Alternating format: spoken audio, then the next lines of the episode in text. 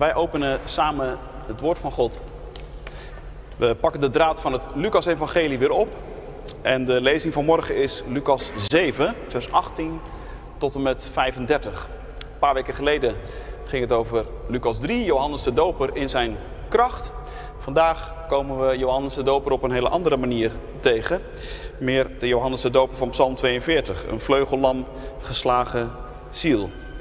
We horen het evangelie uit Lucas 7 en Erik is vanmorgen degene die het voor ons leest. Johannes kreeg van zijn leerlingen bericht over al deze gebeurtenissen. Hij riep twee van zijn leerlingen bij zich en stuurde hen naar de Heer, aan wie ze moesten vragen. Bent u degene die komen zou, of moet een ander verwachten? Toen de mannen bij hem gekomen waren, zeiden ze... Johannes de Doper stuurt ons om u te vragen, bent u degene die komen zou? Of moeten we een ander verwachten? Hij genas toen veel mensen van ziekten en allerlei aandoeningen en van kwade geesten. En hij gaf tal van blinden het gezichtsvermogen terug. Jezus antwoordde, zegt tegen Johannes wat jullie uh, gezien en gehoord hebben. Blinden zien en verlamden lopen. Mensen die onrein zijn door huidziekte worden gereinigd. En doven horen en doden worden opgewekt.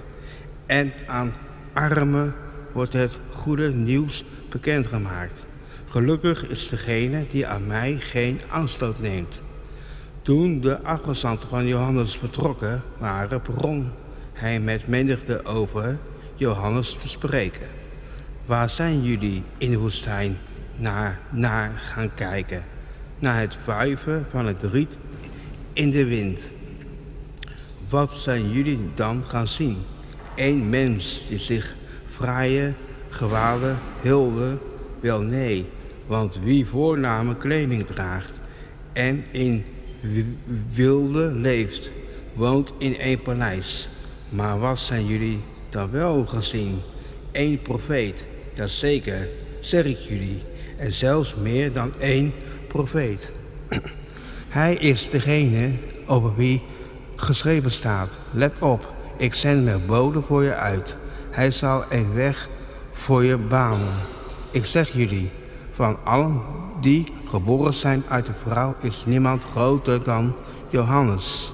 Maar, maar in het koninkrijk van God is de kleinste nog groter dan hij. Alle mensen die hem geluisterd hebben, ook de tollenaars, hebben Gods rechtvaardigheid herkend.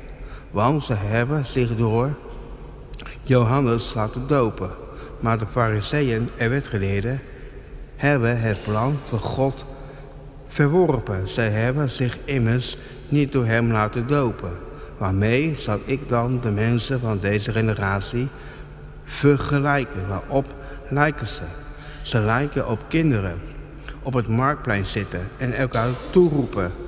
Toen we, doen we voor jullie op fluit speelden, wilden jullie niet dansen. Toen we een klaaglied zongen, wilden jullie niet treuren.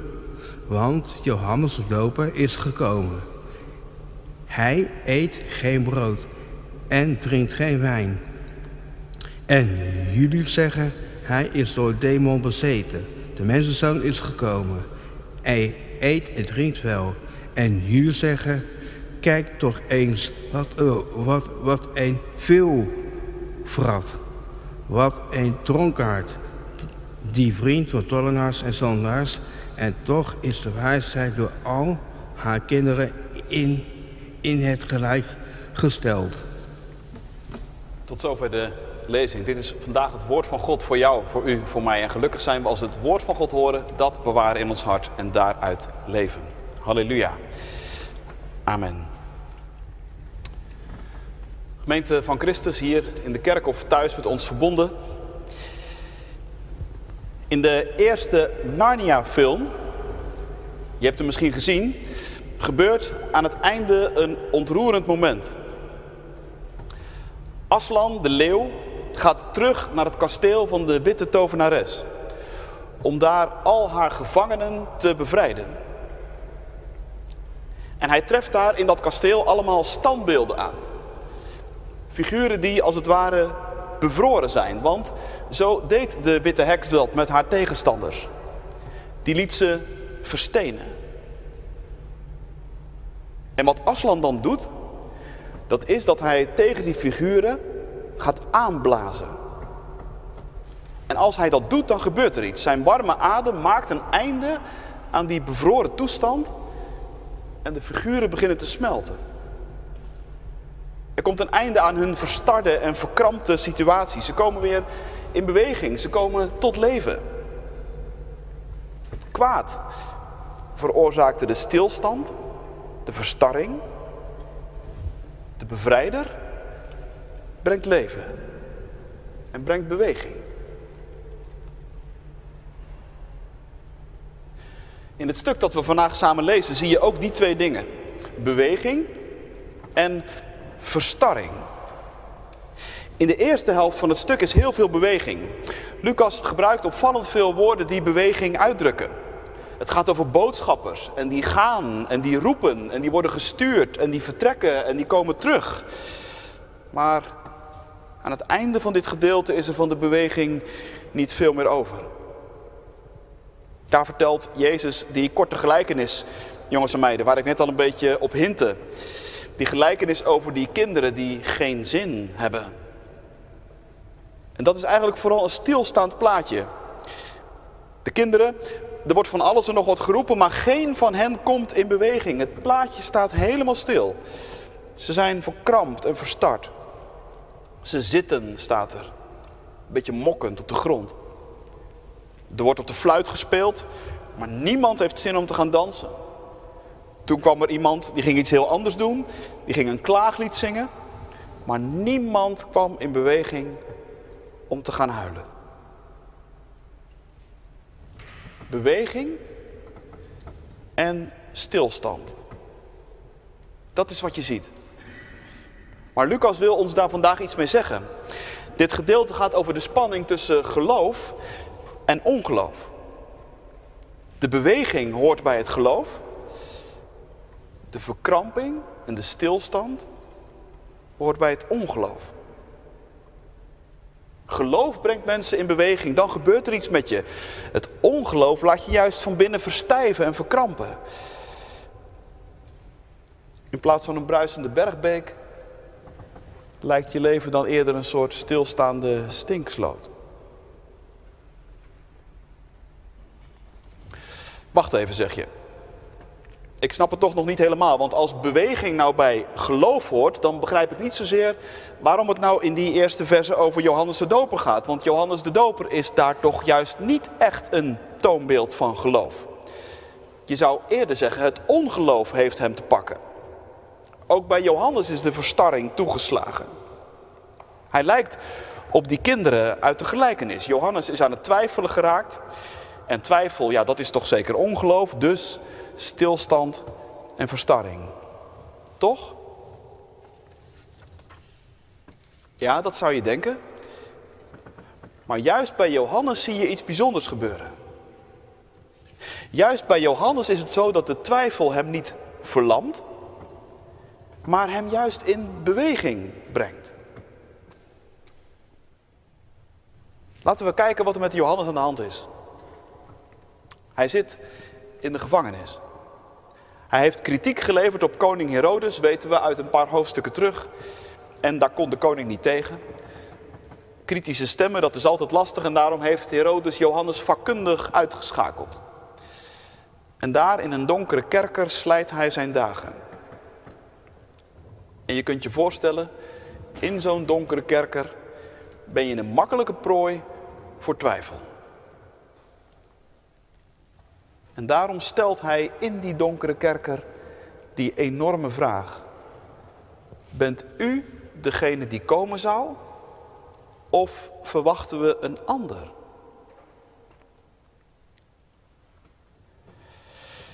Iemand noemde ooit deze vraag de gevaarlijkste vraag uit het evangelie. En ik begrijp dat wel. Het is ook heel aangrijpend wat hier gebeurt. Je moet bedenken, het is niet zomaar iemand die deze vraag stelt. Het is Johannes. Johannes de Doper, de man die Jezus heeft aangewezen en aangeprezen. Daar ging het een paar weken geleden over. Ik doop jullie met water, zei hij. Maar na mij komt iemand en die is nog veel belangrijker dan ik. Johannes, zo dicht met zijn neus bovenop Jezus. En dan deze vraag. Waarom stelt Johannes die vraag eigenlijk? Nou ja, dat hij in de gevangenis zat, zal er vast mee te maken hebben. Johannes kan niet meer zien wat Jezus aan het doen is. Maar er zit nog wat achter. Johannes had, dat kun je begrijpen, hoge verwachtingen van Jezus. En de vraag die nu aan hem knaagt is wat daarvan uitkomt. Grote doorbraak van het koninkrijk van God, die zo voor de hand lag, die lijkt uit te blijven. Natuurlijk, hier en daar gebeurt best wel wat, maar is het niet allemaal toch een beetje minnetjes? Waar is die massale omkeer van Israël? Waar is de bevrijding van de onderdrukker? En zelfs de dingen die de leerlingen tegen hem vertellen, Notabene over een, een jongen die opgewekt is uit de dood in Nain. Het kan Johannes allemaal niet overtuigen. Het raakt hem niet. Johannes zit vast. Letterlijk in zijn kerker, maar ook van binnen. Zijn gedachten gaan met hem op de loop en hij krijgt zijn denken niet meer op een rijtje.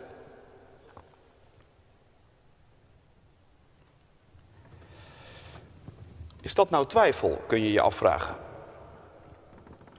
Is wat er met Johannes gebeurt, is dat nou de verstarring en de verkramping die hoort bij ongeloof?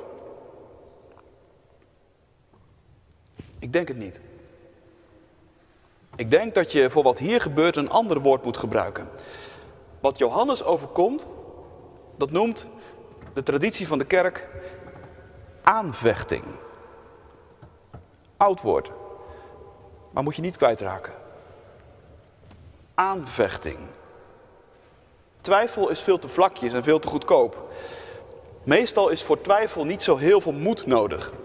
Zeker niet in onze tijd, waarin twijfel al te makkelijk wordt verheerlijkt en op het schild geheven.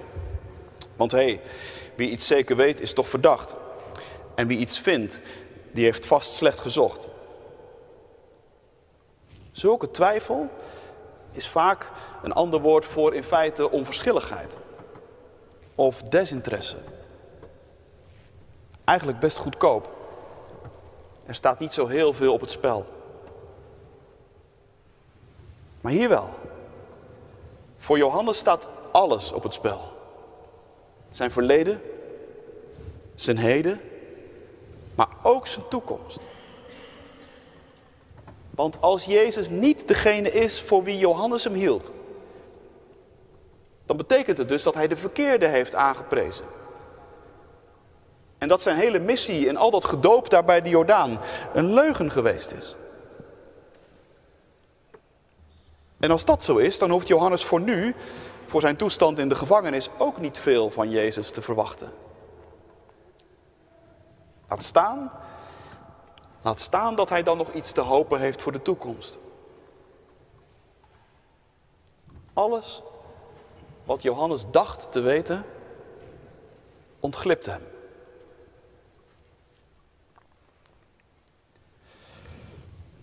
Misschien herken je dat. Dat gevoel van alles glipt mij door de vingers. In mijn leven gaan de dingen niet zoals ik had gedacht. Ik heb er gewoon geen grip meer op en dat knaagt aan me, dat vreet aan me, dat slaat naar binnen. En, en, en het tast alles aan. En wat ik dacht dat ik van God wist of van Christus, daarvan heb ik het ook het gevoel, het staat op losse schroeven. Heb ik niet al die jaren gewoon een hersenschim nagejaagd? Stel dat je dat herkent. Kijk dan goed naar wat Johannes doet. Want die aanvechting, die, die verkrampt hem niet, maar die brengt hem juist, opvallend genoeg, in beweging. Johannes weet dat hij met deze vraag uiteindelijk nog maar naar één adres kan, naar Jezus zelf. Ja, maar zeg je, het was toch juist Jezus aan wie Johannes zo begon te twijfelen? Ja, maar dat is nou precies het verschil tussen twijfel en aanvechting. Momenten van aanvechting, waarop je met Johannes echt helemaal tot die ene vraag gaat, bent u het echt of niet? Dat zijn vreemd genoeg tegelijk de momenten waarop je als het ware met des te meer kracht naar Jezus wordt toegedreven. Want voor wie deze vraag een echte vraag is, staat er werkelijk iets op het spel. Deze vraag is een kwestie van to be or not to be, van leven of dood. En de aanvechting kent een diepte en een ernst die de twijfel niet kent. Op de brandende vraag van je leven moet en zal je een antwoord hebben. En daarom durf je het ook aan om met die vraag naar Jezus te gaan. Doe dat als aanvechting jou te pakken heeft. Ga ermee naar Jezus. Leg het voor hem neer. Want hij weet er raad mee.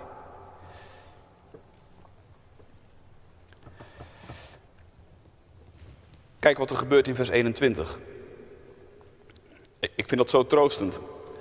Als die boden bij Johan, van Johannes bij Jezus komen, dan schrijft Lucas, op datzelfde moment genas hij er velen van ziekten en kwalen en boze geesten. En vele blinden gaf hij het gezicht terug. Op hetzelfde moment. Dus op het moment dat Jezus, Johannes daar in zijn kerker van binnen verscheurd wordt en nog maar één schreeuw op zijn lippen heeft, bent u het of niet? Op datzelfde moment is Jezus op een andere plek bezig om te laten zien dat hij het is. En dat het met het koninkrijk gewoon doorgaat. Ondanks de aanvechting van Johannes. Of van jou. Of van u. Of van mij.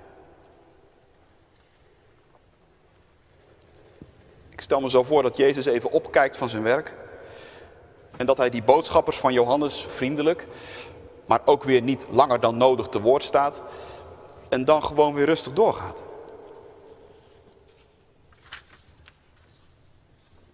In de situatie waarin die boodschappers Jezus aantreffen. En ook in de woorden die Jezus tot hen richt. Daar zit iets van, van rust in. Iets van de, de stille overmacht van God en van Christus. Van de vaste werkelijkheid van het koninkrijk. Die echt door onze aanvechting niet in gevaar komt. Jezus raakt niet van slag. Hij wordt niet nijdig op Johannes. Hij antwoordt ook niet direct met ja of nee op de vraag: Bent u het? Ja, ik ben het. Dat wist je toch al? Nee, zo gaat het niet.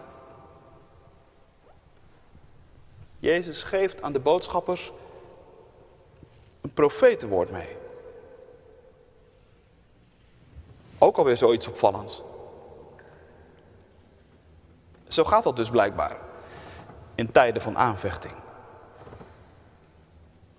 Als je zelf geen woorden meer hebt van verdriet of van wanhoop en je gaat daarmee naar Jezus, dan loop je de kans dat je een woord terugkrijgt. En Johannes, de profeet die stilgevallen was in de gevangenis, hij krijgt nieuwe woorden aangereikt. En niet zomaar woorden, profetenwoorden van een van zijn grote voorgangers, de grote profeet Jezaja. Ga heen, zegt Jezus. Weer een woord vol beweging. Ga heen en boodschap aan Johannes wat jullie hier zien en horen. Zes dingen. Blinden worden ziende, kreupelen wandelen, melaatsen worden gereinigd, doven horen, doden worden opgewekt en aan armen wordt het evangelie verkondigd. Zes tekenen die Jezaja al voorspeld had en die het koninkrijk van God inluiden. Zes tekenen van het koninkrijk van God dat gekomen is en doorgaat. En dat mensen op allerlei manieren, letterlijk en figuurlijk, in beweging brengt.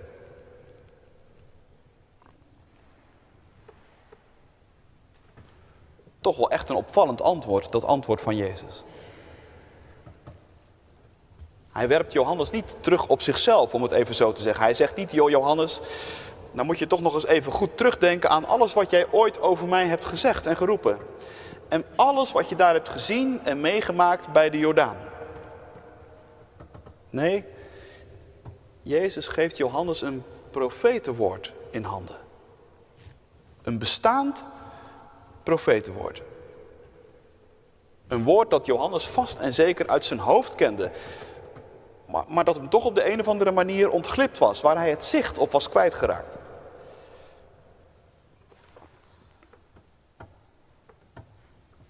Prachtig eigenlijk, als je er even over nadenkt. Jezus gooit Johannes dus niet terug op zichzelf, op zijn eigen beleving of juist het gebrek daaraan. Nee, Johannes ontvangt iets. Iets wat hij eigenlijk al wist, maar wat hij was kwijtgeraakt.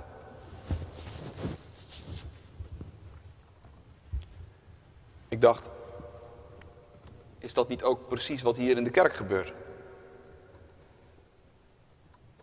Elke week klinkt vanaf deze plek verkondiging. Of het wordt bij je thuis bezorgd in je huiskamer. Er wordt gepreekt uit de Bijbel. Dat is in zekere zin geen verrassing, dat had je kunnen weten. Hier, op deze plek, ontvang je terug wat je misschien eigenlijk al wist, maar waar je het zicht op was kwijtgeraakt. Door wat je hier ontvangt, soms is het zomaar een woord of een flart, een zin uit een preek, een lied, of het is de doop, of het is het avondmaal, of het is iets wat je hoort van een broeder of zuster die naast je zit en iets tegen je zegt. Allemaal dingen waardoor je leven weer in beweging wordt gebracht. Vlot getrokken. En je denkt, oh ja, zo was het. Dank u wel, God, dat u, dat u naar mij omkijkt. Dat u mij zo lief hebt, dat u mij niet aan mezelf overlaat. Dat u me niet eindeloos laat ronddolen in mijn eigen gedachten. Waarin ik telkens weer knarsend vastloop. Maar dat u me lostrekt. En in beweging brengt.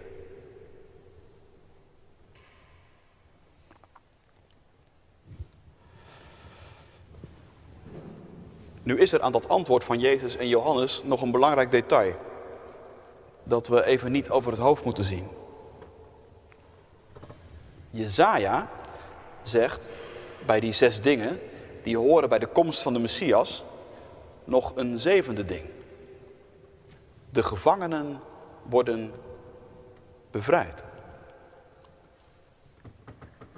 En juist dat element laat Jezus hier weg.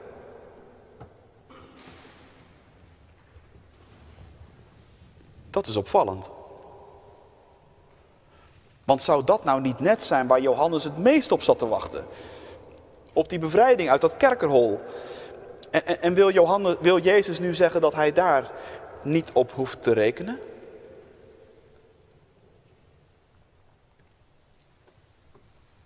Misschien wel.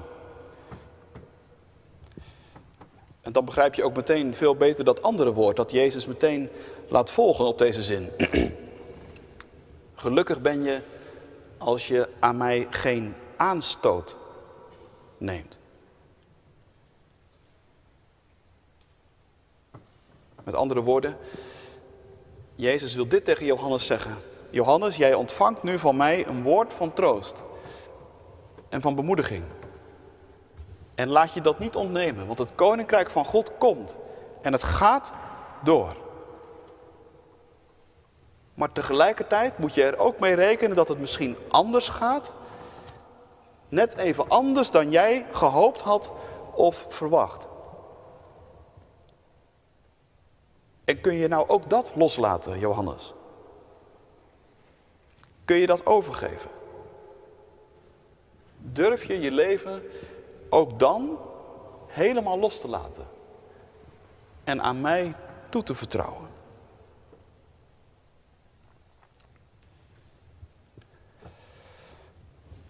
Dat is wel een indringende vraag.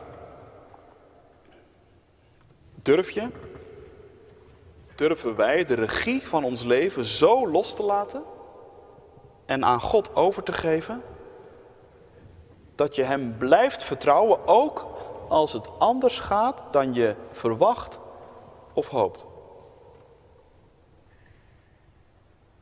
Ook als je persoonlijke leven misschien ineens een duw krijgt of een, een haakse bocht neemt, waardoor alles er ineens anders uitziet.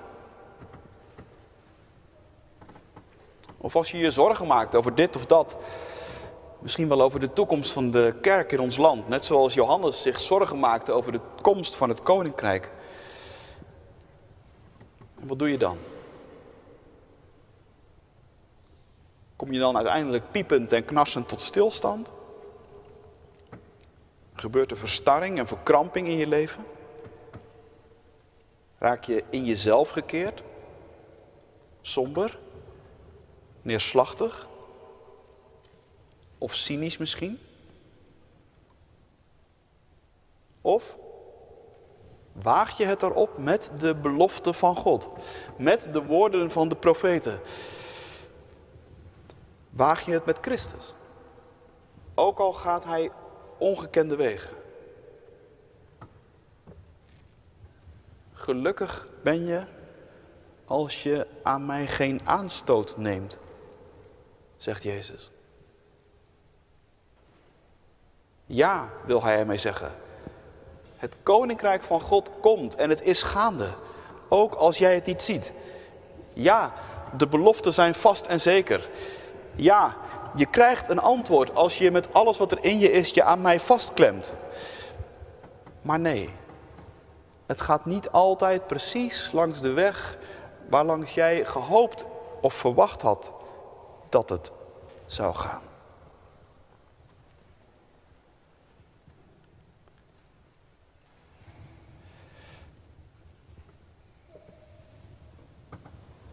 Dat is de aanvechting van dit stuk. En de vraag, durf je het daarmee te doen?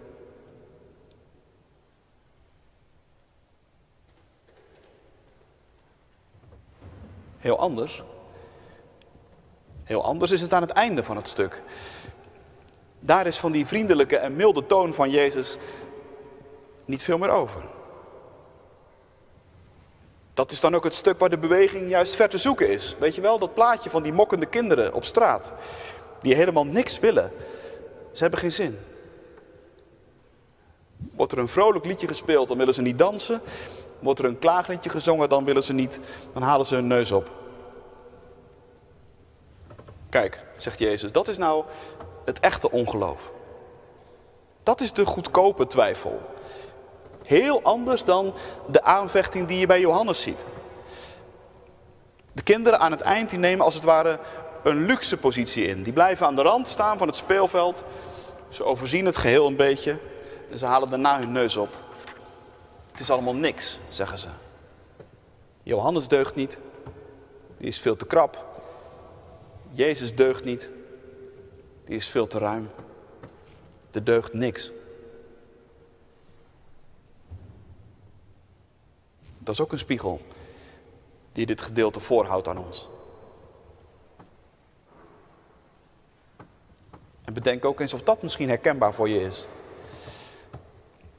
Dat er maar dit of dat gebeuren hoeft, of je doet al mee in het gejammer en het geklaag.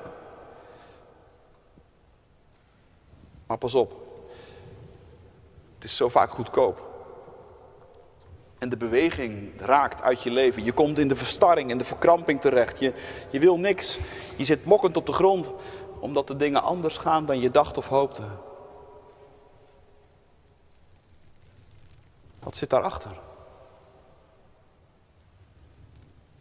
Jezus legt het open voor morgen. Deze gelijkenis, zegt hij, gaat over mensen die de doop van Johannes bewust aan zich voorbij lieten gaan. Die weigerden om zich door Johannes te laten dopen. Nou ja, daar hadden ze zo vast hun redenen voor. Zoals ook zoveel mensen hun reden hebben om niet in Jezus te geloven. En als je al die redenen op een rijtje hoort, dan denk je soms, ja, het klinkt ook allemaal zo gek nog niet. Eigenlijk best heel begrijpelijk. Ongeloof. Maar Jezus ontmaskert dat dus. Want de vraag naar geloof en ongeloof zit uiteindelijk niet op de kracht van bewijs vast. Nee, zegt Jezus, er is iets heel anders gaande. Er is een soort tegenkracht die boven alle argumenten en alle redelijkheid uitgaat. En, en dat is het oerverlangen van ons om gewoon echt alleen maar op onze eigen melodie te willen dansen. En tegen alle redelijkheid in te blijven zeggen, mijn wijsje is gewoon altijd mooier, altijd beter, altijd aantrekkelijker dan welk ander wijsje dan ook. Ik weiger om in beweging te komen en te dansen op de melodie van het koninkrijk.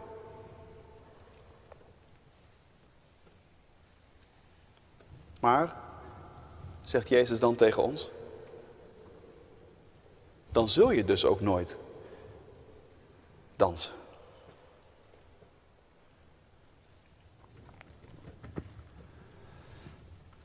Tot slot.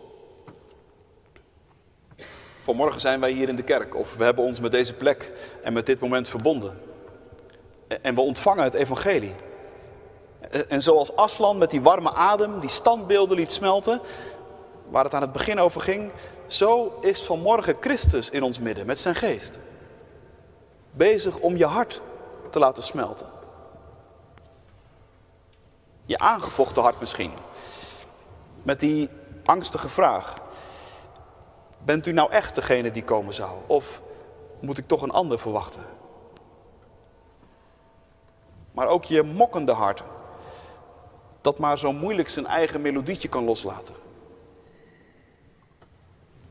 Christus is hier met zijn geest om beweging te brengen.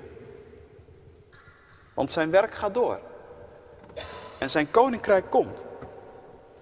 Verkramp niet, maar laat je meenemen op de stroom. Hoe? Ik zou het vanmorgen zo willen zeggen. Door God gelijk te geven. Dat staat prachtig in vers 29.